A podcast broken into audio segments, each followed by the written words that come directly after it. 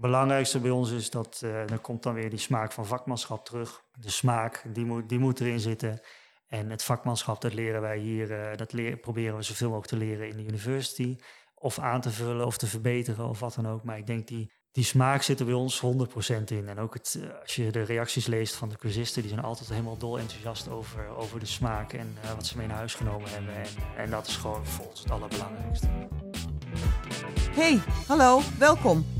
En leuk dat je luistert naar De Smaak van Vakmanschap, de podcast over ambachtelijk ijs met Mastos en Pim. We gaan beginnen.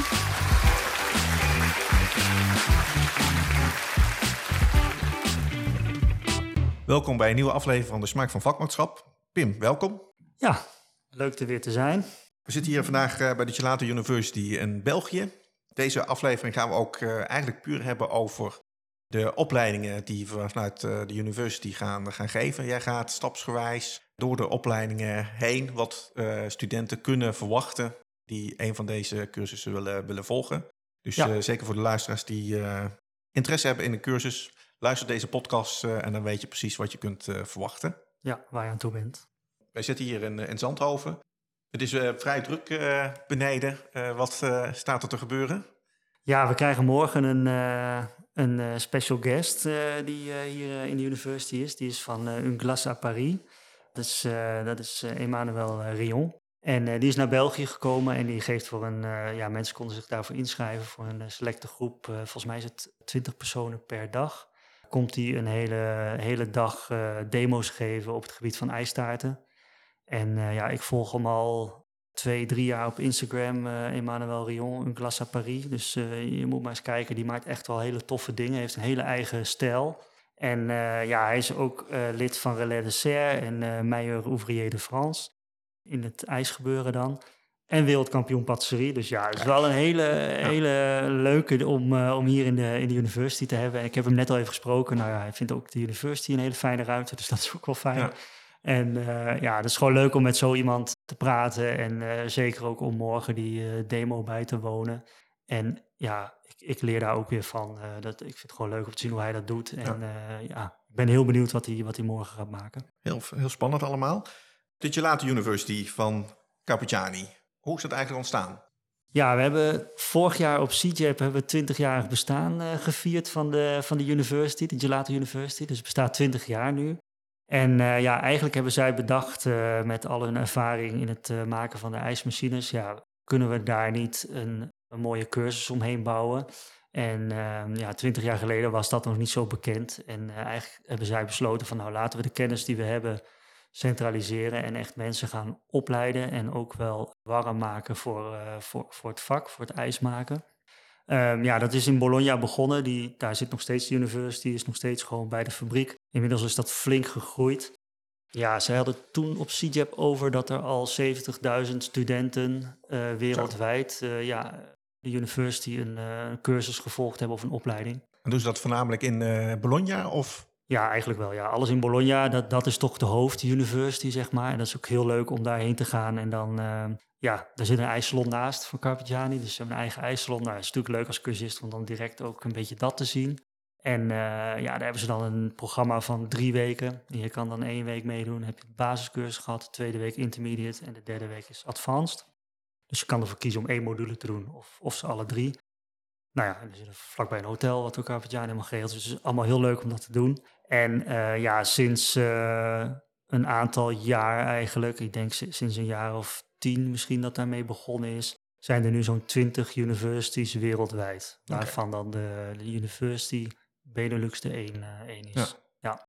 En je ziet gewoon dat de, ja, uiteindelijk de university in, in, in Italië is heel groot. Er komen heel veel studenten, ook veel Nederlanders en Belgen gaan naar die university, doen daar een opleiding. Alleen zie je een groot verschil in, uh, in smaak, in, in structuur, in, in het ijs tussen Italië en Nederland-België. Okay. Dus vandaar dat wij de cursus een klein beetje vertaald hebben naar, eh, naar onze standaard. Die is toch echt wel anders dan, uh, dan in Italië. En waar, waar, moet ik dan aan denken wat het grootste verschil is? Het grootste verschil is dat het ijs in Italië wat zoeter is en wat frisser. Okay. Dus denk maar aan minder vet. Eigenlijk hoe meer, hoe meer vet er in een ijsje zit, hoe warmer het mondgevoel. Ja. En wij willen vaak als we een ijsje proeven een mooie volle smaak proeven. Het moet niet te Exact. koud zijn in je mond. Ja. Maar ja, als jij in Bologna loopt en het is 32 graden, dan vind jij het wel heel lekker als het lekker fris, Fris is, ja. en een beetje zoet is. Ja. Dus daar zit een groot verschil in. Ja. En ik merk als wij gewoon de recepturen vanuit, eh, vanuit Bologna maken, dat dat ook wel vaak het commentaar is wat mensen geven. Dat ze zeggen, nou, ik vind het vrij zoet en, eh, en het mag wat voller van smaak zijn. Ja. Ja. Ja, dus in feite adviseer je de mensen om, behalve voor de experience eh, in Bologna, om eigenlijk voor de Nederlandse Belgische markt hier de cursus te volgen. Ja, zou ik zeker doen. Bologna is superleuk. Als je de kans hebt en je kan daar naartoe, dan is het heel leuk. Daar leer je echt wel dan gelato maken op hun manier. Ja, en wil jij hier in België, Nederland eh, een, een zaak openen of je, of je verder ontwikkelen, dan staat dat iets verder af van hetgeen dat wij hier doen. Dus dan zou je beter eh, hier in België of Nederland terecht kunnen. Wij hebben natuurlijk hier eh, in Nederland hebben wij natuurlijk het ijscentrum. Dat is natuurlijk in België weer, weer niet het geval. Dus in feite heb je twee partijen die eh, soortgelijke opleidingen geven. Kan je Ja. iets meer vertellen over het ijscentrum? Ja, het ijscentrum is, ja, ik zeg altijd, we hebben niet heel veel met elkaar te maken zo in het jaar. We zijn wel partners eh, bij het ijscentrum altijd Ja. geweest. En eh, uiteindelijk is het ijscentrum is echt een, echt een opleiding. En eh, die werken heel erg met een vast kader waaraan een cursist moet voldoen. Dus als hij de opleiding voltooid heeft, dan zijn er gewoon een aantal punten die die cursist geleerd moet hebben.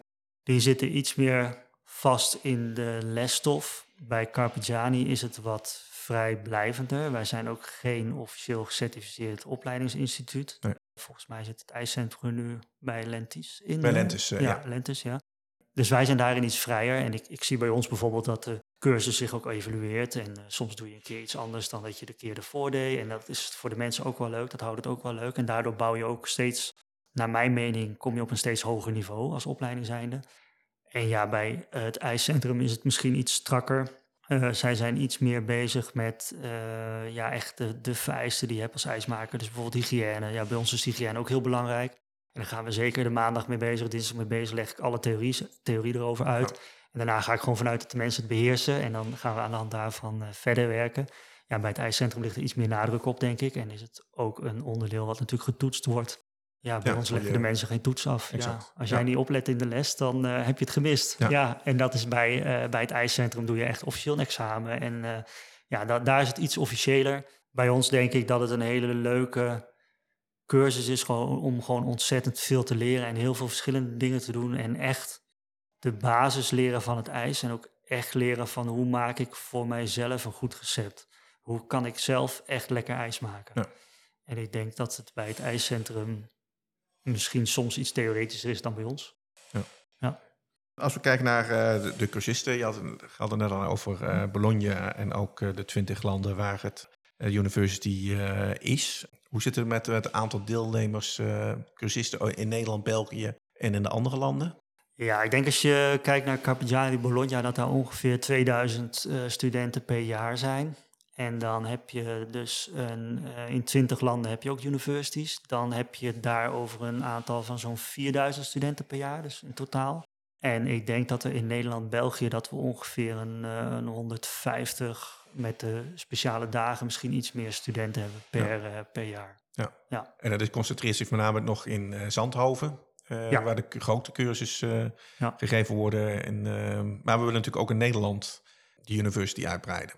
Ja, heel graag. En ik merk dat we nu, eh, nu doen we steeds meer in, eh, in Deventer, in onze, onze university. En ja, dat is gewoon superleuk. En ik merk gewoon dat dat toch een groot, groot verschil is of je met Belgen werkt of met Nederlanders. Dat is gewoon eh, toch anders. Dus dat is wel leuk voor mezelf, om dan, ja, in Nederland is het toch iets anders, is de markt iets anders. En zijn mensen ook wel een stuk directer. Dus je, Ja. ja. je krijgt wat andere vragen. En ja, ik denk dat we daar een hele mooie university ja, toch nog een beetje aan het opbouwen zijn. We, zou- Ja. we zouden de ruimte wat groter willen. Het is nu, het is nu een hele mooie keuken en het kan echt wel eh, voor een groep een leuke demo geven. Maar het kan, ja, de university in België is toch, eh, toch nog wel wat groter. En eh, ja, wat dat betreft iets meer een university nog. Maar ik merk nu de groepen die ik in Nederland gehad heb, dat die ontzettend enthousiast zijn. Ja. En dat mensen ook echt wel gewoon heel veel leren in die cursus. En helemaal enthousiast eh, weer de deur uitgaan. En dat, Ja. dat is altijd wel een beetje mijn doelstelling. Ja, precies. Dus je past eigenlijk ook je cursussen min of meer aan qua inhoud op de Belgische markt dan op de Nederlandse markt. Ja, zeker. Altijd. En ik ben ook altijd heel eerlijk tegen mensen. Dat er altijd nieuwe dingen in de cursus zitten. Altijd ook dingen die we proberen. En uh, er is ook altijd ruimte voor, uh, voor eigen inbreng. Dus als mensen zelf een melk mee ne willen nemen. Of uh, ze hebben thuis een likeurtje wat ze graag maken. Dan gaan we daar ook in die week ijs van maken. Ja. En ik merk dat mensen dat heel erg leuk vinden. Gewoon heel creatief bezig zijn met dat ijs. Kun je zo een paar verschillen opnoemen tussen de, de Belgische ijsmarkt dan en de Nederlandse? Qua smaak of qua type producten?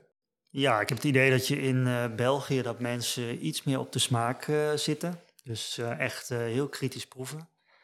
Ik heb dat met name, ik heb natuurlijk ook in de patisserie wel gewerkt in België. Daar heb ik wel heel erg gemerkt dat ook echt klanten heel goed aan het proeven zijn. En dan kiezen welk product ze nemen en wat ze mee naar huis nemen. In Nederland ga je ja, ik wil er niet te veel uh, negatief over zijn, maar heel veel mensen gaan bijvoorbeeld naar de banketbakker. Die weten eigenlijk van tevoren al wat ze, moeten, wat ze willen hebben, weet je wel. Want die wil dit en die wil dat. Nou ja, in België is dat veel meer, zijn mensen veel meer aan het proeven en kiezen ze echt wat ze, wat ze op dat moment lekker vinden.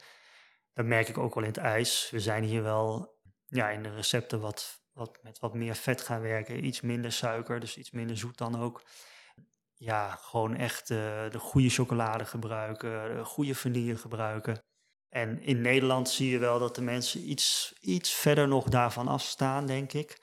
En iets meer ja, nog vastzitten in wat er uh, misschien tien jaar geleden, vijftien jaar geleden uh, gedoseerd is of uitgelegd is. En daar werken ze nog steeds op die manier. En dat is juist het leuke van de university, om dan ook de Nederlanders te laten zien van kijk hoe het nu in België gaat, hoe dat gebeurt. En probeer dat eens te vertalen naar, naar jouw eigen eis. En hoe, hoe kan jij daar ja. beter van worden? Ja. ja. En als uh, cursisten die, uh, die komen, die hebben bepaalde vragen. Net wat jij al zegt, ik wil met een liqueur werken of ik wil potten met, uh, met ijs gaan verkopen. Maar die moeten eigenlijk schepbaar zijn op, op min 18. dat soort zaken behandel je dan ook gelijk in de les? Ja, dus ik heb altijd eigenlijk, bijvoorbeeld in de basiscursus heb je natuurlijk zo'n week zitten wel een vaste structuur in en een goede opbouw. Maar op, ik weet dat ik bijvoorbeeld op donderdagmiddag heb ik altijd ruimte voor dat soort dingen. Dus ja. dan krijg ik vaak die vragen al op maandag of dinsdag. En dan zeg ik, nou, als je nou donderdag die liqueur meeneemt, dan gaan we hem uitschrijven op het bord en dan gaan we daar een recept omheen bouwen. Ja. ja. Okay. En er zijn mensen die het dan leuk vinden om daarin mee te doen. Anderen die zeggen liever, nou, ik wil bijvoorbeeld nog dat maken of dat maken. Nou, dan help ik die op weg. En dan gaan we met de groep die wil, die, die kan nog helpen met een uh, ijsje ontwikkelen. Dus dat, ja. dat is altijd wat leuker. Ja, ja. hartstikke goed. Dan over uh, de cursussen. We hebben er uh, verschillende. Ja. Volgens mij is de basis waar je mee begint eigenlijk is de Marco Polo cursus. Kun je daar iets meer over vertellen? Ja, de Marco Polo is echt een ontdekkingsreis eigenlijk in de, in de wereld van het ijs. Dus daar komen echt de mensen die uh, of ijs heel lekker vinden bijvoorbeeld, of een idee hebben om iets met ijs te gaan doen, of meer willen weten over ijs, die komen naar de Marco Polo cursus. Ik merk ook wel vaak dat daar echt al wel starters in zitten. Dus mensen die echt wel van plan zijn om bijvoorbeeld een ijssalon te openen, te starten. Ja. Dus daarin uh, ja, zie ik wel dat, uh, dat die cursus daar ook wel heel goed voor is om op die manier te beginnen. En wat we eigenlijk doen in die Marco Polo cursus is um, allereerst laten zien hoe je het ijs maakt. Dus daar begin ik mee. Ik zet eerst de pasteurisatieketel aan. Ik, ik, maak het recept met, met de mensen zelf. Dan leg ik eigenlijk alle stappen uit. Dus wat heb je nodig? Wat, uh, wat is pasteuriseren? Wat, wat is rijpen? Hoe, hoe werken we? Nou ja, daar ga ik dan helemaal doorheen. Dan als de ketel aan het draaien is, dan gaan we vaak bezig met het businessplan. Dus dan uh, tijdens het pasteuriseren behandelen we dan alles wat betreft nou ja, hoe ziet de ondernemingsplan eruit? Met name ook wel een beetje een focus op het financiële plan. Dus uh, nou ja, wat gaat je investering zijn? Heb jij een, bepaald pand waar nog uh, bouwkundige kosten zijn of niet? Of nou ja, hoe is de voorziening qua water en stroom? Zijn daar nog aanpassingen die moeten gebeuren? En zo kan je eigenlijk een heel kostenplaatje maken van... oké, stel dat ik op deze locatie een, een ijssalon wil beginnen waar moet ik dan aan denken? En dat is gewoon, dat vullen we allemaal in een Excel-bestand. Die krijgen de cursist ook mee naar huis. Dus dan kan je daarmee uh, naar de bank of aan de slag. Of, uh, hè. En dan kijken we naar de kostprijs van de receptuur. En dan de verkoopprijs per bolletje. Nou ja, zo gaan we dat helemaal, helemaal uitschrijven eigenlijk. Tot, uh, tot de jaarlijkse kosten qua huur, personeel. nou ja, zo probeer ik dan een heel plan op te stellen. En dan onderaan de streep zie je dan uh, in die cursus van nou, hoeveel bolletjes ijs moet ik verkopen om dit plan uh, break-even te krijgen. Of hoeveel bolletjes moet ik verkopen om er een bepaald resultaat uit te halen. En ik wil wel altijd in die Marco Polo een heel realistisch en eerlijk beeld geven. Dus ik maak altijd een beetje een worst case uh, scenario okay. qua businessplan. En dan kunnen mensen dat zelf op hun eigen situatie invullen. Maar wij, ons doel is dat de mensen die gaan starten, dat die ook jarenlang bij ons blijven. En dat ze altijd zullen zeggen van oké, we zijn toen in die cursus begonnen. Toen hebben we hier een leuke foto gemaakt in de university. Dat was toen echt het begin. En van daaruit is het verder gegaan. En wij willen heel graag daar ook bij blijven. Dus stel dat ik een heel mooi aantrekkelijk businessplan maak, ja, dan, dan raak je die mensen misschien kwijt. Want die komen erachter van ja, maar het, het, is niet zoals jij het toen vertelde. Nee. En dat is voor ons heel belangrijk. En daar is die Marco Polo cursus, dat is echt een... Je leert geen ijs maken in die cursus. Ik laat je zien hoe je ijs maakt. Maar je leert wel veel over de cijfers en waar je aan moet denken. En hoe, hoe moet je een ijskeuken inrichten. Uh, ja, eigenlijk dat soort uh, onderwerpen. En dat is wat dat betreft eigenlijk bij een hele unieke cursus. Ja, want ik denk dat wij daarin uh, gespecialiseerd zijn door hetgeen wat we al jaren doen hier. Ja. En we hebben al zoveel, zoveel bedrijven opgestart. Ja, op een gegeven moment heb je natuurlijk enorme kennis op dat gebied. En, en wij helpen graag mensen daarmee. En wij dragen dat graag uit. En ik denk dat je dat eerlijk gezegd dat dat ook wel een heel goed voorbereidend iets is voor bijvoorbeeld een verkoopgesprek wat daarna volgt of, uh, of niet. Hè? Hopelijk wel, maar het kan ook zijn dat het niet volgt. Maar ja, je weet wel veel meer waar je, waar je rekening mee moet houden. Hoe lang duurt uh, deze cursus? Meestal van 10 tot, tot 1, zo'n beetje 10 tot 2. Ja. Het is echt... Uh, dat businessplan ligt een beetje de focus op. Dan draaien we het ijs en vaak uh, draaien we dan twee of drie smaken ijs. Kan iedereen proeven en dan zijn we rond een uur of één, half twee uh, zijn we klaar. Oké. Ja. De kosten, want dat willen natuurlijk uh, de, onze Nederlandse luisteraars altijd heel graag weten. Ja, die, die, het inschrijfgeld voor die Marco Polo, daar houden we natuurlijk laagdrempelig. Dus voor 100 euro exclusief de BTW, dan, heb je, dan kan je de cursus volgen. Ja. Ik denk voor dat geld heb je een enorm goede voorbereiding en heb je gewoon heel veel informatie wat je ja. mee naar huis neemt. Ja, zeker omdat je dat Excel-sheet uh, mee, uh, meekrijgt, waar je je eigen berekening kan, uh, kan doen, waar je mee naar de bank eventueel kan gaan. Ja. naar familieleden om te laten zien ja. dat je eventueel nog wat financiën nodig hebt. Dus dat is inderdaad wel een heel goede, goede opleiding, cursus om, om mee, mee te starten. Deze cursus wordt zowel in België als in Nederland gegeven en de data staan ook bij ons op de website. Ja, daar hebben we altijd de kalender online staan. Als je naar uh, Carpetjani Benelux en dan Gelato University, daar staat de kalender. En dan staat er ook wel duidelijk bij welke cursus in Nederland is, welke in België. Ja. ja.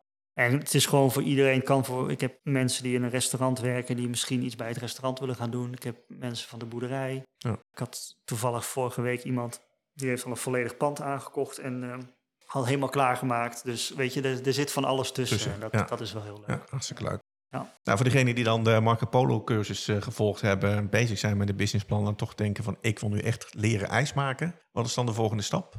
Ja, dat is eigenlijk de cursus uh, basis ijsbereiding, dus onze basiscursus. Ja, misschien goed om te vertellen, in Italië Bologna heb je die uh, drieweekse cursus, dus basis, intermediate, advanced. Wij hebben ervoor gekozen om daar twee weken van te maken. Dus in de basiscursus krijg je de eerste anderhalve week en in de gevorderde cursus krijg je de tweede anderhalve week. Omdat wij op sommige punten misschien iets sneller gaan. Dus ik ben niet zozeer in de basiscursus van um, elke programma van de ijsmachine uitleggen en uh, alle knopjes uitleggen en uh, heel lang stilstaan bij de apparatuur. Dat vind ik iets te commercieel worden. Ik denk dat er zijn ook heel veel mensen die bijvoorbeeld uh, machines van een concurrent hebben of, of net zijn opgestart en die toch nog die verdieping willen. Ja. Die zijn meer dan welkom. Ja, dan, ga, dan gaat het, het gaat echt over het ijs. De basiscursus, zeg ik altijd, is wel de echte basis van het ijsmaken. Dus we gaan niet op een basisniveau er doorheen, maar we gaan echt kijken naar de basis. Dus op maandagochtend beginnen we gewoon met uh, theorie in het leslokaal en dan gaan we alle grondstoffen door. Welke soorten melk heb je? Wat is het verschil tussen melk bij de boer halen of uh, houdbare melk halen? Uh, welke soorten room zijn er? Wat is, wat is de functie van het, van het vetpercentage in de room? Wat, ja, hoe bereken je hoeveel vet er in een mix moet zitten? Welke suikers zijn er, welke meest gebruikte suikers zijn er. Waar, uh, ja, zo probeer ik altijd een beetje alle ingrediënten eigenlijk stuk voor stuk te behandelen. Ja. Ook het belang mee te geven van, uh, van die grondstoffen. Want bijvoorbeeld als we het dan hebben over eiwitten in, in ijs. Ja, als jij net zo'n basiscursus instapt, dan ja, moet je eerst eventjes weer van... oh ja, wat, hoe ziet een eiwit eruit? Wat is dat precies? En oké, okay, nu dat ik dat weet, welke functie heeft het dan in mijn, in mijn ijs? En dan, oké, okay, dan weet je op een gegeven moment dat. En dan, hoe kan ik daar ook nog mee sturen, zeg maar, weet je wel? Dus dat Ja. is altijd een beetje de uitdaging voor mij van, eh, in die basiscursus. Van, ja, hoe krijg ik het zo duidelijk mogelijk ja, voor iedereen? Ja. En dat zij ook weten van, oké, zo zit een recept in elkaar. En waarom gebruikt hij bijvoorbeeld magermelkpoeder? hè? En waarom gebruikt hij in een bepaald recept invertsuiker? En waarom gebruikt hij in een ander recept glucose? Ja. Dat een beetje. Kun je eh, ons door de, de cursusdagen heen lopen, van maandag tot en met Ja, vrijdag? dus die, die maandag is dan met name eigenlijk een beetje dat eh, stukje. Dus eh, gr- grondstoffenkennis. En eh, s smiddags gaat het dan, eh, kunnen ze allemaal eh, ijs draaien gewoon op recept. Dus dan krijgen ze van mij het recept en dan eh, gaan we gewoon naar de machine toe. En dat zijn dan, ja, ik noem dat altijd een beetje de gladdere smaken. Dus daar komt geen variegato of iets doorheen. Nee. Dus dat is echt eh vanille, hazelnoot, pistache. En dan vaak op verschillende manieren. Ze hadden het volgens mij eh, in de eerste uitzending ook al een beetje gehad over de witte basis. Nou ja, in de cursus maak je dan een witte basis. Daar kan je eigenlijk alles maken mee maken. Maar we maken bijvoorbeeld ook een gele basis. Daar zit dan het eigeel in. En een chocoladebasis. Dus dat is echt een aparte basis voor je chocoladeijs. Want chocoladeijs is toch wel heel anders.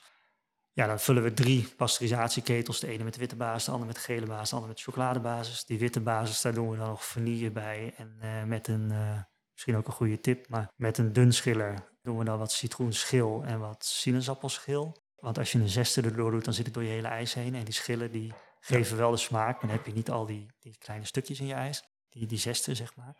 Dus dat zit in die gele basis. En dan maken we eigenlijk smiddags van die basissen maken we leuke combinaties en smaken. Dus we hebben bijvoorbeeld, eh, een van mijn favorieten die dag is het Gianduja ijs. En dan pak je bijvoorbeeld 1 liter witte basis, 2 liter chocoladebasis. Daar doe je dan nog hazelnootpasta bij. En een klein beetje dextrose of sorbetsiroop om die pasta te compenseren. En dan heb je dus die twee basissen gebruikt en dan heb je een beetje... Ja, Gianduja, echt de voorloper Ja. van Nutella, hè? Ja, die eh, precies. hazelnoot chocolade. Ja. En dat is super lekker. En zo kan je met die basissen heel veel, eh, heel creatief zijn. Ja. Dag twee? Dag twee, dan eh, is het, s ochtends gaan we de recepten uitschrijven. Dus ik heb dag één verteld wat erin zit. Dag twee gaan we dat uitschrijven. Dus bijvoorbeeld, ik reken altijd dan terug naar liter. Nou, dan zeggen we 650 gram melk. Hoeveel vet zit daarin? Dus nou, 3,5% van 650. Eh, hoeveel suiker zit erin? Hoeveel lactose zit erin? Hoeveel vetvrije melkbestanddelen zit erin? Dus eiwit, lactose. Nou ja, zo reken je alle droogstoffen uit. Zo re- reken je uit hoeveel water erin zit. Nou, zo ga je al die ingrediënten door. En dan krijg je onderaan de streep, krijg je, zie je eigenlijk wat er in het recept zit. Dus daar zijn we wel de hele ochtend mee bezig. Dat is vrij, vrij theoretisch, maar Ja. dat is wel heel leuk om te doen. En dan laat ik altijd de mensen zelf bijvoorbeeld de gele basis daarna uitschrijven. De chocoladebasis kan ik zien of iedereen het begrepen heeft en of ze allemaal mee zijn. Ja. En dan smiddags maken we ijs met een variegato. Dus dan doen we bijvoorbeeld eh yoghurtijs en dan spatelen we daar bosvruchten doorheen. Of ehm, witte chocolade met mango passievrucht. En dan eh, gebruiken we daar de producten voor eh, die we hebben. Dus in België werken we samen met Ranson. Dus dan gebruiken we daar de grondstoffen van Ranson voor. Maar ik laat ook altijd zien hoe je het maakt. Dus als wij dan dat theoretische stuk hebben gehad van die recepten uitschrijven, dan gaan we daarna eh, halen we het fruit eh, uit de koeling en dan maken we daar een lekkere variegato van. Ja. En dan kunnen we die of dat moment nog gebruiken of die bewaren we voor donderdag gebruiken we dan. Maar dat je ook wel dat ik wil elke keer teruggaan naar die basis, dat mensen weten hoe het in de basis moet maken. Ja. ja. En dan woensdag, dat doet dan Ad eh, meestal. Hè? Die zit, heeft ook in de vorige podcast, hebben jullie die gehoord? Ad Waaiers. En die, ehm, die doet dan alles wat betreft sorbets. Dus die doet alles met, eh, met fruit eigenlijk die dag. Ja. En ook wat roomijs met fruit. Dus die, eh, die is daar een hele dag mee bezig. En dan gaat ook iedereen dat volledig zelf berekenen. En dan de donderdag hangt een beetje vanaf eh hoe ver we zijn en welke vragen er nog zijn. Maar dan probeer ik altijd dat mensen gewoon op papier een recept kunnen berekenen. Dus eigenlijk vanuit nul Ja. hun recept kunnen berekenen. En dat is altijd de meest pittige dag hoor. Ja, ik kan me Ja. voorstellen. Niet alleen het rekenwerk, maar ook het denkwerk eh, daarbij. Je hebt Ja. heel veel theorie al gekregen, heel veel in de praktijk. En dan moet je dan ook nog helemaal zelf eh, uitschrijven. Ja, ik krijg vaak, eh, dan is Ad, is er altijd de vrijdag weer. En dan krijg ik vaak het commentaar van, joh, wat heb je gisteren met die mensen gedaan? Ze zijn helemaal, ze zijn doodop. Ja. maar ja, ik vind dat wel heel goed om een keer zo'n cursus te doen. En in die cursus heb je natuurlijk mij erbij. En dan kan je altijd eh, elk moment vragen en kan je heel veel aantekeningen maken. En dan heb je het in ieder geval, heb je de opzet gedaan. Precies. En als je daar verder mee wil, dan ga je die gevorderde cursus doen. Maar als jij gewoon eh, het fijn vindt om, eh, ja, om het één keer gedaan te hebben en daarna niet meer, is dat ook prima. Ja. Want de recepten heb je op dat moment al. Ja, precies. Ja. En dan hebben we dan de vrijdag. Jullie zei net al dat eh, dan vaak ook nog voor zijn rekening neemt. Ja, vrijdag is echt eh, de meest creatieve dag. En dan ga je vooral bezig met het maken van eh ijstaarten, eh, magnums, dat soort dingen. Echt leuke producten met, met ijs die je ook in de winter goed kan verkopen. Ja, Ja. Zodat je ook wat hele jaar door wat kan aanbieden. Hoe zit het eigenlijk met het maken van je bakken met ijs? Want als ik kijk naar het ijsstand waar ik zelf de cursus heb gevolgd, was het toch altijd een beetje ondergeschoven eh, kindje. Zeker omdat ze daar veel ook eh, richting de koeps eh, gingen. Hoe leggen jullie, gaan, gaan jullie, leggen jullie ook een nadruk op het, het uit de machine krijgen van het ijs, het mooi opmaken van, van de bakken? Ja, meestal op maandag doe ik het sowieso voor. De dinsdag met de variegator doe ik het ook voor. En dan zeg ik wel van oké, ik wil wel dat alle bakken zo zijn mag je nog wel wat van afwijken. En dat is ook moeilijk in het begin, want dan komt het ijzer ja. uit die machine en dan moet je dat uh, in die bak gaan spatelen. Maar... Ja. Gaat altijd sneller dan, uh, dan je verwacht. Ja, maar ik wil altijd wel het proberen. Ik geef meerdere ideeën van hoe je een leuke bak op kan maken. Mensen die er bekend mee zijn, die, die weten dat. Dus je kan van die kammen neerzetten, je kan van die golfjes erin maken, je kan het mooi doorspatelen. Er zijn verschillende opties, die laat ik allemaal zien. Maar het belangrijkste vind ik in zo'n cursus dat die bakken allemaal mooi schoon de vitrine ingaan. Dus de randjes allemaal schoon zijn. En ook als ze gaan scheppen, dat ze het ijs netjes achteruit scheppen, weer naar voren doen. En dat die bakken er netjes uitzien, dat probeer ik altijd heel erg mee te geven. En echt het opmaken zoals ik het voordoe, dan moet je gewoon twee, drie weken doen. Dan kan iedereen het, maar dan moet je even oefenen. En dat, dat verwacht ik niet per se in de basiscursus, maar het is wel leuk om daar wel heel veel inspiratie op te geven. Iedereen filmt en maakt foto's, en uh, dus dan uh, kan je daar later ook uh, goed mee oefenen. Ja. Wij sluiten de cursus niet af met een examen. Nee. Maar ze krijgen wel een certificaat uh, mee natuurlijk. Ja, als je het goed, uh, goed gedaan hebt, krijg je een certificaat. En dan, uh, ja, dat is eigenlijk je diploma. Nou, ik kom nog steeds bij ijsbereiders waar die diploma altijd trots aan de muur hangt. Dus dat is wel heel leuk. is ook echt wel een mooi, mooi certificaat van Carpigiani. Ja, daarnaast krijg je natuurlijk alle info, info mee. Die je hebt lesboek hoort erbij. dat krijg je allemaal mee van ons. Ja. En ehm, ik merk gewoon dat het echt wel een hele fijne start is voor mensen. Ook wel mensen die nog twijfelen of ze iets met ijs willen gaan doen. Als je zo'n cursus hebt gedaan, dan weet je echt wel heel veel na zo'n week. En dan kan je echt je eigen dingen mee gaan doen. En uh, dan heb je in ieder geval een hele goede basis gehad. En het voordeel van ons is, wij zijn natuurlijk wel van Carpigiani, maar ik leer hoe je ijs moet maken, maar je kan met alle machines kan jij ijs maken. Dus of het goed is of slecht is, dat laten we dan in het midden. Maar uh, het maakt niet uit of iemand op een Catabriga of een Valmar machine draait de kennis die je in de cursus hebt, die heb je. En daar, daar kan je alle kanten mee op. En uh, dat vind ik het leuke hiervan. En ook wel van hoe Carpigiani dat insteekt. Het is totaal geen commerciële cursus. Dat is, dat is, niet, uh, dat is niet het doel. Oké, okay. dat is uh, goed om, om te horen.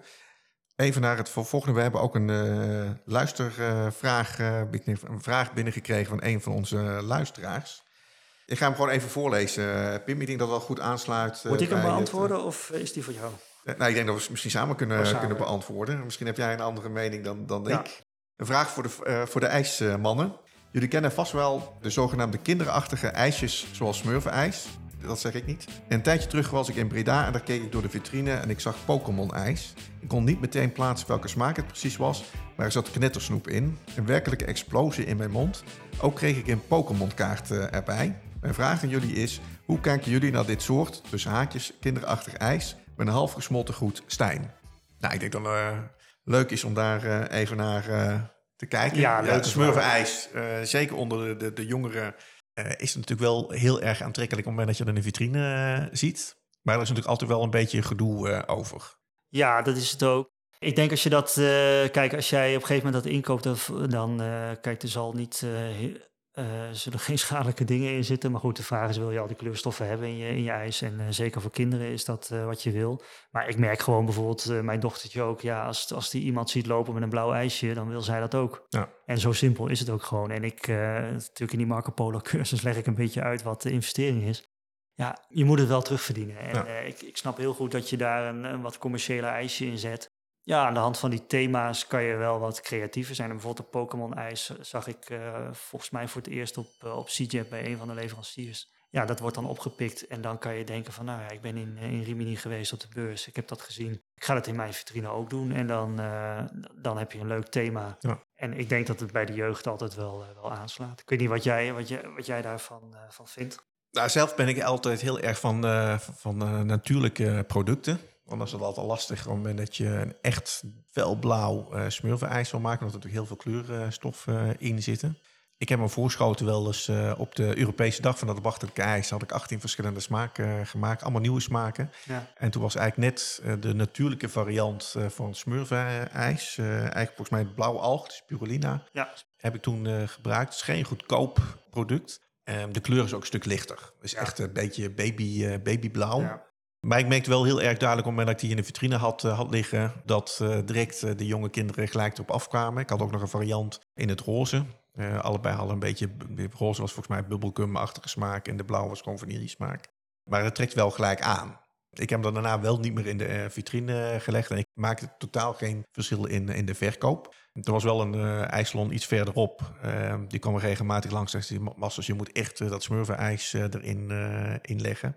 Ik heb er wel wat varianten op gemaakt. Een van de varianten is bijvoorbeeld een, uh, frambozen met mango. Dan heb je mhm. natuurlijk een mooie roze met een mooie geel. Als je daar die door elkaar heen spaalt, dan heb je ook een prachtige opvallende de bak.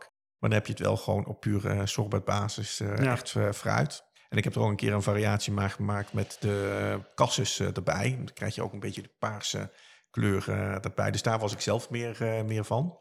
Maar eigenlijk puur met hetzelfde idee. Van hoe kan ik nieuwe smaken introduceren die ook commercieel gewoon aantrekkelijk zijn. Ja. Ik heb ook heel veel geëxperimenteerd met uh, bepaalde smaken waar je misschien een halve bak uh, van uh, verkoopt. Ja, dat zijn geen smaken die je dan verder lang in de vitrine wil, wil hebben liggen. Dus ik begrijp het helemaal. Terugkomen op de Pokémon ijs. Ik heb natuurlijk even navraag gedaan van wat zat er dan precies in. Zeker belangrijk misschien voor, voor Stijn. Het was een koekje met witte chocolade en knetterchocolade. Dus een groot gedeelte is natuurlijk dan wel gewoon natuurlijk. Dus je kunt dus ook met natuurlijke producten kun je heel veel variaties maken. Eh, om het zeker voor de jeugd eh, of voor de ouderen die ook een Pokémon kaart willen hebben, om het aantrekkelijk eh, te maken. Dus ik zit er een beetje dubbel in. Commercieel gezien zeg ik ja, als, je dat, als dat handig is voor jouw bedrijf, zou ik zeker niet nalaten. Maar dan wel graag zo natuurlijk mogelijk. Ja, ja dat vind ik ook wel hoor. En eh, ja, ik moet, ik moet wel zeggen, ik vind het altijd wel leuk als mensen creatief zijn. En ik merk bijvoorbeeld met het gebruik van kleurstoffen, dat soort dingen. In het patisserie is dat heel normaal. Dus ik, heb, ik ga maar eens bij de gemiddelde chocolatier kijken. Die kleuren die daar je tegemoet komen van al die bonbons. En uh, geweldig, weet je wel.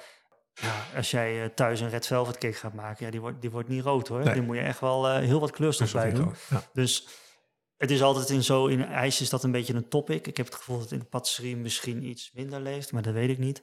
En ik denk gewoon dat het wel leuk is om, om creatief te zijn. Ja, ik ben zelf ook iets meer van, van het natuurlijke en op een andere manier creatief zijn dan bijvoorbeeld Pokémon ijs of uh, Snickers ijs of eh, dat soort dingen.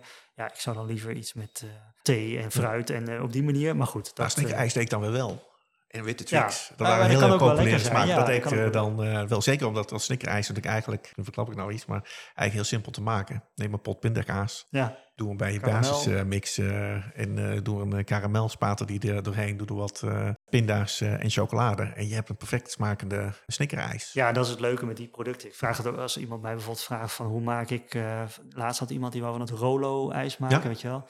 Ik zeg, ja, wat is dat ook alweer? Toen zei hij, ja, dat is eigenlijk ja, melkchocolade met karamel. En zeg, ja, maak je melkchocolade met karamel? Ja, ja, ja, dat is een goed idee. nou, top. Ja. Zo makkelijk is het ook. Ja, Gewoon goed nadenken, wat zit erin? Ja, ja. ja. Nee, hartstikke goed. Nou, dan gaan we van de Marco Polo gaan we naar de gevorderde cursus. Ja. Ook weer vijf dagen? Ook vijf dagen, ja. En ehm, eigenlijk de maandag is een beetje een uh, herhaling van de basiscursus. Dus een korte, gewoon een korte herhaling. Even goed er doorheen zorgen dat iedereen weer op één lijn zit. Want soms zijn er ook mensen die bijvoorbeeld drie jaar geleden de basiscursus hebben gedaan en nu de gevorderde cursus gaan doen. Dus dat is even weer iedereen op één lijn uh, zien te krijgen. Ook daarin is eigenlijk, maar dat is bij de basiscursus ook, s ochtends theorie, s middags praktijk. Dus dat, dat, die lijn houden we een beetje aan. En dan um, is de, de maandag dus die, een beetje die herhaling. Dinsdag kijken we wat meer naar de recepturen en hoe we ingrediënten kunnen vervangen. Dus dan werken we bijvoorbeeld niet met die drie basissen, maar wat meer met de geconcentreerde sauzen. Die recept heb ik ook een keer in een blog uh, gezet, dus die is op onze website ook wel te vinden. Maar dan maak je bijvoorbeeld geen eigeel basis, maar maak je een eigeel. Ja, ik vind saus nooit zo'n mooi woord, dus ik zeg meestal anglaise. Maar bijvoorbeeld in, de, in Italië noemen ze dat een salsa crema. Dus dan uh, een eigeel salsa, zullen we even zeggen dan. Hetzelfde voor de chocolade. En dan um, de woensdag gaan we ook wel weer bezig met uh, sorbet, maar dan ook bijvoorbeeld sorbet met, uh, met alcohol erin.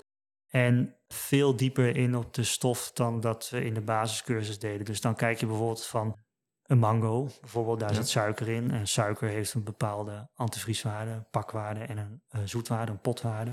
Ik hou overigens altijd de term, ik weet niet of het in de podcast vaak komt, maar pak en pot vast. In Nederland is dat een beetje vertaald naar relatieve zoetkracht en uh, ja. Vriespunt verlagende factor of vriespunt verlagend effect. Ja, als je gaat lezen in, uh, in de boeken, er staat altijd pot en pak. Dus hou die term pot en pak er maar een beetje in, denk ik dan. En dan kijk je van die pakwaarden, die antivrieswaarden, ja, welke suikers zitten dan in die mango? En daar zit bijvoorbeeld uh, een, een, groot deel glucose in. Er zit misschien een deel fructose in. Ja, fructose is een heel ander vriespunt dan glucose. Dus in welke verhouding die suikers in het fruit zitten, bepaalt ook weer hoe jouw sorbet eruit komt. En dan leer ik bijvoorbeeld ook dat je bij het ene fruit misschien wel beter iets bij kan sturen. Met wat kokosvet bijvoorbeeld, om wat meer vastigheid te geven. Of met inuline, plantaardige vezel. Ja. ja, zo ga je dan die, die woensdag op die sorbets in. Dan ben je daar gewoon veel dieper ja, mee bezig. En ik merk ook wel dat er in de gevorderde cursus minder ijs gemaakt wordt dan in de basiscursus. Want mensen moeten gewoon veel meer zelf aan de slag en gaan nadenken en berekenen. En eh, op die manier. En het leuke is dan dat we dan uh, vaak uh, nog yoghurt maken in de maestro. Dus dan doen we melk erbij, uh, melkzuurbacteriën. En dan uh, maken we daar een lekkere yoghurt van. Die is dan de volgende ochtend uh, klaar. En dan maken we van die, op donderdagochtend, maken we van die yoghurt dan een sorbet. Dan maken we een chocoladesorbet, een notensorbet. En dan gaan we ook kijken naar het vegan ijs en suikervrij ijs. Dus dat zijn eigenlijk alle specials komen een beetje in die dag ja. aan, de, aan de orde. En dan doen we op de vrijdag doen we het hartige ijs. Dus ijs met ja, meestal doe ik zalm. Uh, eentje met uh, blauwe kaas, zeg maar, gorgonzola of, ja. of zoiets. En uh, rode bieten of tomaat. Dat is altijd wel een bekende, een bekende smaak in de sorbet. Ik had laatst iemand die had witte asperges okay. thuis. Die wou daar iets mee maken. Nou, dan nemen we die. Mag van alles zijn. Ja.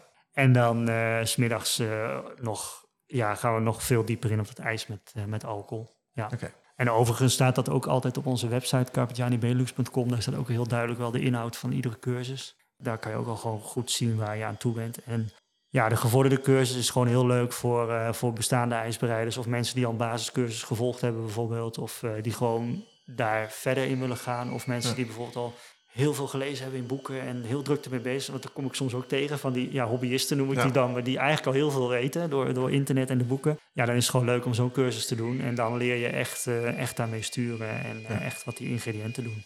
Ja. Raad jij het aan om uh, vrij snel na de basiscursus al de gevorderde cursus te doen? Of zeg je ga gewoon een jaartje aan de slag, maak je ijs en kom dan nog een keer terug voor de gevorderde cursus? Ja, vaak wel. Vaak zeg ik van laat, een, laat er een tijdje tussen zitten, ga lekker aan de gang. En uh, zeker als jij startende bent, kan je beter eerst uh, de Marco Polo cursus dan de basiscursus. Dan ga je beginnen. Ja. En dan ga je gewoon lekker ijs draaien. En dan kom je uh, na één seizoen of twee seizoenen terug voor de gevorderde cursus. Want anders wordt het zoveel. Dan ja. krijg je zoveel in één keer. En je moet ook even dat allemaal weer kunnen verwerken en toepassen wat je in die basiscursus geleerd hebt. Want ja. die, die is al vrij uitgebreid. Weet je wel? Het is niet dat je daar maar de helft leert of zo. Je leert al heel veel en dan ja, is die gevorderde cursus is nog wel weer een stap verder. Ja. ja. Als we dan uh, vergelijken met het ijscentrum, die hebben nog een uh, gespecialiseerde opleiding voor gespecialiseerde ijsbereiden. Die staat aan een technisch gedeelte en een uh, praktisch gedeelte. Komt daar de, stof ongeveer overeen met wij, wat wij in de gevorderde cursus doen? Of zeg je nee, wil je echt na die gevorderde cursus nog een stap verder staan? Dan zou je dus ook nog de gespecialiseerde ijsbereidersopleiding ja, dat denk volgen. ik wel. Ik denk niet dat dat, dat, dat echt in onze gevorderde cursus zit. Ik denk dat je bij ons gewoon toch net andere dingen leert, net, net een andere insteek. En uh, zeker voor de technologiecursus, dan moet je ja. bij het ijscentrum, ja, Arco Kruik uh, geeft de cursus, ja. die, uh, heb ik ook, die komt hier ook wel eens af en toe en daar werken we ook wel eens mee samen. Die is daar super in onderlegd en dat moet je echt bij hem laten. Ja. Ja, ik denk dat zij dat, volgens mij doet hij dat samen met Jacques Vos. Ja, volgens mij wel. Ja, ik denk dat zij dat het beste kunnen. En daar moet je ook gewoon, ehm, ik adviseer dat ook aan mensen hoor. En ook wel eens zeggen ze van bijvoorbeeld hebben ze hier de basiscursus bij mij gedaan. Dus van heeft het dan, uh, is het voor mij interessant om naar het ijscentrum te gaan? Ja, 100 Ja. Want daar leer je nog weer meer. Leer je misschien hoor je hetzelfde verhaal, maar net op een andere manier. En dat is ook wel heel leerzaam. En zij hebben natuurlijk het voordeel dat alle machines daar staan. Dus je kan ook nog eens verschil zien in, uh, in ijsmachines. En uh, ja, ik heb zelf Jacques Vos heel hoog staan en Arco en Hidde. En uh, dat is ook een geweldig team wat daar werkt. En daar ben ik ook wel eens jaloers op. Ja, dan moet je zeker wel... Uh, dat is zeker interessant om daar een cursus te volgen. Maar ja, ik denk dat je als ijsbereider is het altijd interessant om een cursus te volgen. Of dat nu dat je die Emmanuel, Emmanuel Rion uh, hier morgen ziet... Of dat je uh, een keer in België bij een collega gaat kijken. Of dat je hier een cursus gaat doen. Of in Vlaardingen een cursus.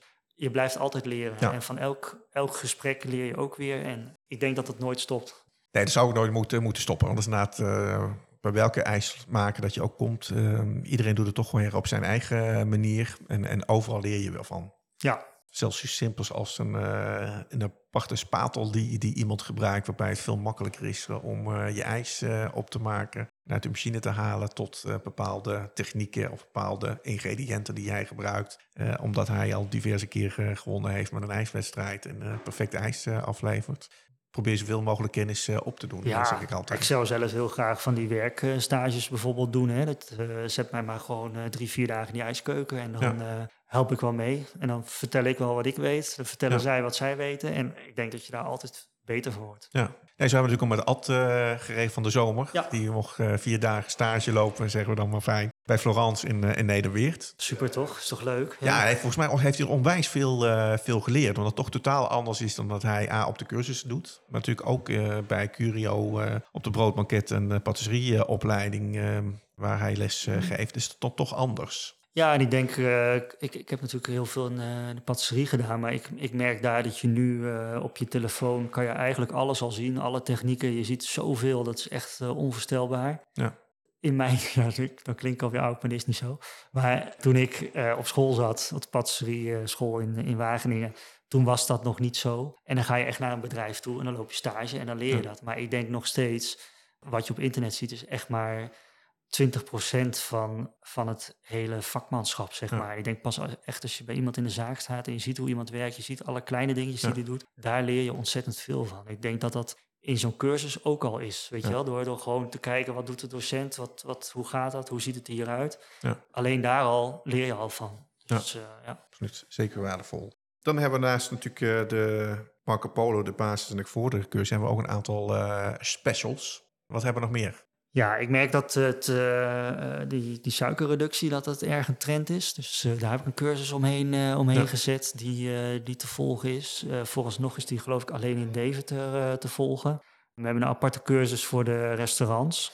Omdat wij heel veel ervaring hebben in die restaurantsector. En dat dat toch echt wel een ander ijsje is. Kunnen vaak toch al een stukje verder gaan in, in smaak. En die Ja. kunnen echt van die smaakbommetjes maken. Waar je, ja, als je daar eh, twee bolletjes van zou nemen, dan, eh, dan is het voorbij. Dus dan eh, gewoon een, een kanelletje is dan goed. Dus daar hebben we een aparte cursus voor. En dan werk je dus ook met de apparatuur die je in het restaurant hebt. Dus dan neem ik gewoon de, de Thermomix mee. En dan draaien we in de Labo 812. En dan probeer ik het echt ook op die manier goed te doen. Ik laat zien hoe je, hoe je eventueel in een sous bak eh, kan pasteuriseren. Ja. En weet je, daar zijn we dan wat meer met die, eh, met die dingen bezig. Hartig ijs, alcohol zit er altijd in. Want dat is gewoon voor de restaurants heel leuk.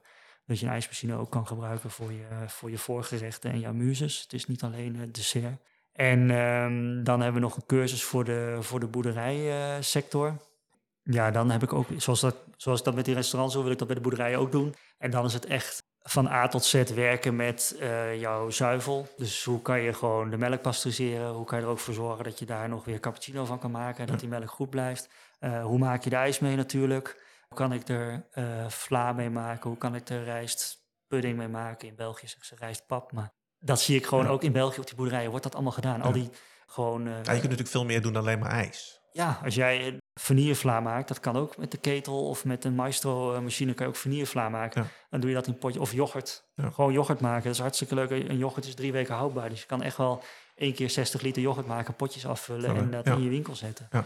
En zo wil ik gewoon heel creatief bezig zijn. Ook met het pocheren van, eh, van vers fruit. Wat je dan weer als variegator kan gebruiken. En, en dat is het leuke eigenlijk van die boerderijcursus. Ja. Dat dan probeer je echt een beetje te werken met de producten van het, van het land, zeg Ja. maar. En ik, voor mij is fruit en melk zijn daarin eh, heel belangrijk. Ja, in feite kunnen de cursisten in dat geval dan natuurlijk ook hun eigen rauwe melk eh, meenemen. en dan maak je in feite ook gewoon een basisrecept Ja. eh, op basis van hun, eh, hun eigen melk. Ja. Dus het is niet alleen eh, je leert hoe je, hoe je ijs moet maken, maar je gaat er wat verder in door ze ook mee te helpen met een goede basisrecepturen. Ja, zeker. En dat kan ook heel erg uiteenlopen. Ik had laatst iemand die had dan eh, schapenmelk meegenomen. Ja, daar heb je, heb je bijna niks nodig. Schapenmelk, Ja. suiker, beetje dextrose en eh, wat bindmiddel. En het kwam er perfect uit. Ja. En er zit er gewoon al zoveel in die melk. Maar dat zijn wel allemaal dingen. Dat is een beetje maatwerk. En, en dat is leuk om daar op zo'n manier mee om te kunnen gaan. En ook wel die als opleidingsinstituut die, die eh, flexibiliteit te hebben om, om voor iedere klant iets persoonlijks te maken. Ja. ja. En ik vind het gewoon belangrijk dat je als ijssalon probeert, ja, natuurlijk alleen ijs, dat, dat is één, maar probeert gewoon zoveel mogelijk te doen en zo divers mogelijk te zijn. En eigenlijk met de grondstoffen die je hebt staan, daar kan je zoveel dingen mee maken. Hè. Dat is Ja. gewoon, alleen soms moet net even iemand jou dat laten zien. En even, eh, soms is het gewoon al net een leuke verpakking die al de trigger doet Ja. van, oh, dat is een heel mooi potje. Daar zou ik wel een leuk eh, iets mee, een klein dessertje, takeaway kunnen maken. En, en dat is gewoon, eh, gewoon belangrijk om te blijven doen, denk ik. Ja. Ja. Ja, hartstikke leuk. Nou, volgende week eh, komt, komen de mensen van Holland Jersey eh, melk eh, op, eh, op bezoek. Die gaan eh, ook eh, hun melk afgeven voor ons, eh, zodat we daar ook mee kunnen nemen in, eh, in de cursus. Maar ook eh, op eh, het Gelato Festival, omdat we daar ook van hun melk twee eh, smaken gaan, Ja. gaan, gaan Ja. maken. Heb je al eens gewerkt met de Holland Jersey melk? Ja, ja. Ja, ik ben er wel eh, qua smaak wel heel erg weg van hoor. Ik vind het wel eh, echt wel een, eh, een meerwaarde hebben. Ja. Ja. het is alleen, ja, wat ik merk, het, het is natuurlijk iets duurder hè, dan, de, dan de gangbare melk. Ja. En zeker als je dan de verpakkingen koopt. Ja, precies. Dus ik ben benieuwd hoe dat straks is met, als wij met hun aan tafel zitten. Maar het is wel gewoon een hele lekkere melk. En die melk, dat is, dat is eh 60, 65 procent van je, van je receptuur. Hè? Ja. Dus dat is wel een heel belangrijk onderdeel. Ja. En eh, ik denk dat je... Ja, het is een- altijd een beetje een open deur, maar hoe lekkerder die melk, hoe lekkerder je ijs is. Dus Ja. ik denk dat we daar echt wel... Ik ben alleen benieuwd welke room we daar dan bij gaan, eh, gaan gebruiken. En hoe die combinatie gaat zijn. Dus eh, we gaan daar gewoon mee bezig. En eh, ik denk dat het gewoon leuk is om daar echt een top, eh, top recept mee te Ja. maken. En het ja, gewoon interessant te maken voor de ijsbereider om het, om het ook eens te te proberen. proberen, Gewoon, eh, doe het gewoon eens een keer. En dan eh, als, het, eh, als het mislukt, dan, eh, dan is het jammer van, Ja. eh, van je drie liter eh, compositie. Maar probeer, Probeer pro- Ja. ga het proberen. Ja, Ja. en dan gaat het eigenlijk natuurlijk ook, je noemt het standaard altijd schapenmelk. Ik heb eh, zelf eh behoorlijk wat schapenmelk mogen verwerken in, Mhm. in het ijs. Maar ik, in het begin denk je wel, oké, slaat het aan, slaat het niet aan. Zeker omdat de mensen een bepaalde gedachten hadden bij de smaak van, van schapenmelk. Terwijl in de ijssalon was er totaal geen probleem. Sterker nog, bij sommige smaken. Ik had een sabione met eh chocolademousse met eh bokkenpootjes. Nou, als je daar de schapenmelk voor eh, gebruikt, was het echt tien keer zo lekker als dat je gewoon koeienmelk gebruikt. Dus er zijn dus ook bepaalde smaken waar het juist leuk is om dan de schapenmelk voor te gebruiken. Ja, het is echt heel lekker. En het is gewoon jammer dat het niet zo breed bekend is. Of dat het Ja. een beetje een drempel is voor mensen die, om het te proberen. Want de smaak is echt heel goed. En ik heb één klant eh, gehad. Die maakte hun ijs op de, op de boerderij, de schapenboerderij. En die eh, hebben op een gegeven moment gewoon niet meer gezegd dat het van de schapenmelk kwam. Die hebben gewoon gezegd ijs van de Ja. boerderij. En dat werkte al. En toen namen mensen het wel en die vonden het heerlijk. Dus ja, soms is dat heel erg jammer. Maar het is, eh, op een of andere manier is dat een beetje een drempeltje soms om, eh, om iets te proberen voor de Nou, ik, heb, consument. ik heb inderdaad ook exact op dezelfde manier gedaan. Ah ja, Eh. In het begin gewoon niets eh, gezegd. Dat was inderdaad, eh, toen ik zei van ik ga met schapenmelk werken. Toen mensen dat, ga ik, dat ijs ga ik echt niet nemen. Mensen proeven het gewoon het verschil niet. Nee. Dus eh, dan denk ik van ja, dit, dit is inderdaad meer een, een dingetje. Kijk, we moeten voor de allergenen, moet je, we moesten we op een gegeven moment natuurlijk eh, vermelden. Dus had ik alleen een tekentje van een schaap of een, eh, of een koe erop Mhm. eh, staan. Dan, daar kijken mensen dan toch overheen. Maar ze proefden totaal niet dat het schapenmelk is. Dat het vaak zoveel lekkerder is bij bepaalde smaken die, je die je dan maakt. Ja, vind ik wel. En gewoon ook leuk om daar creatief mee. Ik heb toen voor Sergio Herman een sorbet gemaakt van schapenyoghurt. Oh, dat was ook super lekker. Ja. Ja. Maar goed, dat is wel iets wat dan op een dessert goed, goed kan. Precies, zou ja. misschien niet zo snel in de ijssalon zetten. Maar eh, ja, het is gewoon leuk om flexibel te kunnen zijn en met, gewoon met alles te kunnen werken. En gewoon eh, daarin eh, veel kunnen doen. En ik denk dat het, dat dat het leuk is van ons met deze podcast om gewoon bij, ook bij de bedrijven langs te gaan. Ja. En ja, kom maar met de spullen en we maken er wel iets, Ja. iets lekkers van, weet Ja. je wel. Dat, dat is het leuke. Ja, Ja. precies. Dat gaan we ook zeker doen. Dus we hebben nu veel eh, gedaan eh, vanuit een kantoorlocatie of eh, bij een groothandel. Maar we gaan zeker ook een aantal ijssalons bezoeken. We gaan inderdaad ook nog een keer naar, naar een boerderij toe. Waar ze jersey koeien hebben en ook zelf ijs maken. Dus dat lijkt me ook wel heel interessant om te zien eh, hoe ze dat daar eh, aanpakken. Het is Ja, meer semi-industrieel, dus het is ook nog heel iets, eh, iets anders. Maar dat is ook voor de luisteraars wel leuk om, daar, om hun daar mee te nemen. Ja, ja. Zijn er nog andere zaken over de cursussen die je wil vertellen? Nee, ik hoop dat ik het een beetje goed uitgelegd heb. Het is natuurlijk altijd in zo'n podcast, dan is het, eh, ga je er eh, re- relatief eh, snel doorheen. En uiteindelijk sta je een hele week voor de klas en dan ben je gewoon lekker je dingen aan het vertellen. En komen er misschien nog wel veel meer dingen aan bod dan wat ik nu, nu genoemd heb. Ja. Maar ik denk over het algemeen, als je het, als je het gewoon allemaal samenvat, ik denk de Marco Polo is een, is een leuke manier om kennis te maken met de ijswereld. En, en een gedegen opleiding om, eh, om je financieel plan verder te gaan maken, je businessplan. En eh, de basiscursus is voor iedereen, ook, ook voor, voor hobbyisten, zeg maar. En eh, daar leer je gewoon echt, echt ijs maken. lekker ijs maken, goed. De recepten zijn goed in balans. Ja. Je, kan, je loopt echt met een volle, volle receptenmap hier weg. En de gevorderde cursus, dat, is gewoon, eh, dat gaat gewoon veel dieper nog op de stof in. En daar, eh, daar leer je gewoon veel meer het balanceren, en recepten berekenen en dat Ja. soort dingen. En dat is gewoon interessant voor mensen die al eh, twee, drie seizoenen bezig zijn of langer. Ja. En ik denk dat het belangrijkste bij ons is dat eh er komt dan weer die smaak van vakmanschap terug. De smaak, die moet, die moet erin zitten. En het vakmanschap, dat leren wij hier, dat leer, proberen we zoveel mogelijk te leren in de university. Of aan te vullen of te verbeteren of wat dan ook. Maar ik denk die, die smaak zit er bij ons 100% in. En ook het, eh, als je de reacties leest van de cursisten, die zijn altijd helemaal dol enthousiast over, over de smaak en Ja. eh, wat ze mee naar huis genomen hebben. En, eh, en dat is gewoon voor ons het allerbelangrijkste. Ja, precies. Nou, voor degenen die interesse hebben in onze opleidingen, kijk even op uh, cappuccanibenelux.com ehm, slash naar de Gelato University. Daar staan alle cursussen die we geven. Uitgebreide informatie, maar ook de agenda. Zo kun je kijken welke cursus er in Nederland op dat moment gegeven wordt of in België. Schrijf je in eh, en laat ons eh, weten als je het via de podcast eh, hebt gedaan. Daar zijn we natuurlijk ook naar benieuwd. Ja, en wat misschien ook nog wel leuk is, te, dat staat ook wel op de website, maar een, een één-op-één opleiding is ook altijd mogelijk. Dus je zou ook bijvoorbeeld kunnen zeggen van ik ga een dag met mijn personeel naar, naar Deventer of naar Zandhoven. En uh, ik wil bijvoorbeeld uh, leren hoe ik uh, nou, bijvoorbeeld vegan ijs maak. Ja. Dan ga ik met mijn personeel daarmee bezig. Dan doen we ook wel van die specials. Ja. ja. Ja. ja. Dan wil ik je weer bedanken, Pim, voor deze ja. podcast-aflevering. En tot snel. Tot snel. Bedankt voor het luisteren en tot de volgende aflevering. Wil je meer weten over onze podcast De Smaak van Vakmanschap of de aflevering van vandaag? Kijk dan op onze website of Instagram-account. We graag wat je ervan vond. Laat gerust een comment achter en vertel het ons als je een interessant onderwerp hebt of als we jou een keer in de podcast moeten hebben. Blijf je graag op de hoogte van nieuwe afleveringen en recepten? Abonneer je dan vandaag nog op de nieuwsbrief en mis geen enkele aflevering. Bedankt voor het luisteren. Slagroom erbij?